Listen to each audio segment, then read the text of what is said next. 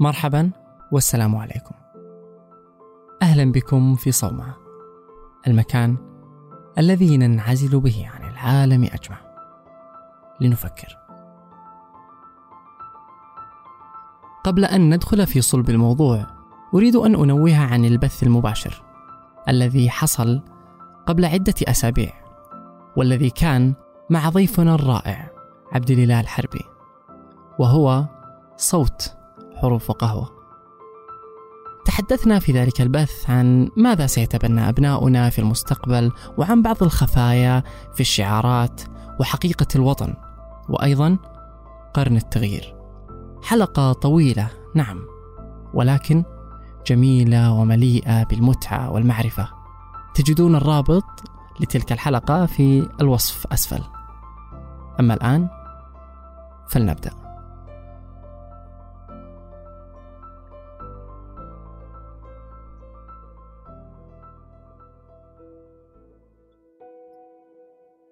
ما الذي يجعل للشيء قيمة؟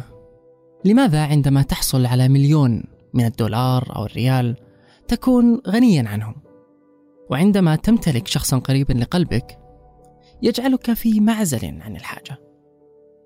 لنأخذ على سبيل المثال جزيرة ياب التي كانت عملتهم الريستون.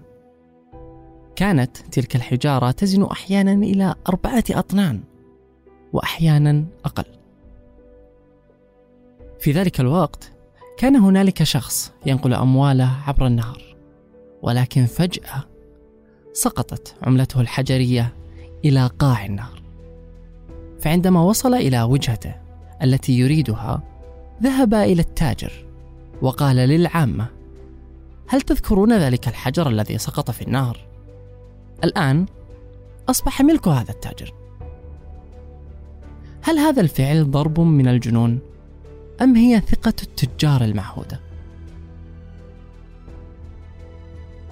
لكن في وقتنا الحالي يوجد مثل هذا الخيال والجنون فعندما تدخل إلى متجر ما وتعطي المحاسب بطاقتك الائتمانية وتتبضع ما تريد بتلك القيمة فهذا الفعل يشبه فعل مواطن جزيرة ياب الذي حصل على ما يريد دون أن يسلم شيئا للتاجر في المقابل. فما الذي يجعل لتلك الأموال قيمة؟ كيف لورقة الريال والدولار والجنيه أو الدينار لها قيمة؟ ولكن ليست كل القيم هي القيم المالية. فماذا عن القيم العاطفية والعلمية؟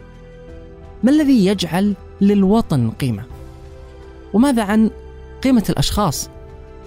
كيف تحددها؟ ما الذي يجعل لتلك القيمة قيمة لديك؟ والسؤال الأهم ما هي قيمتك؟ أهو علم تعلمته؟ أم مال اكتسبته؟ أو شيئا نحن نجهله؟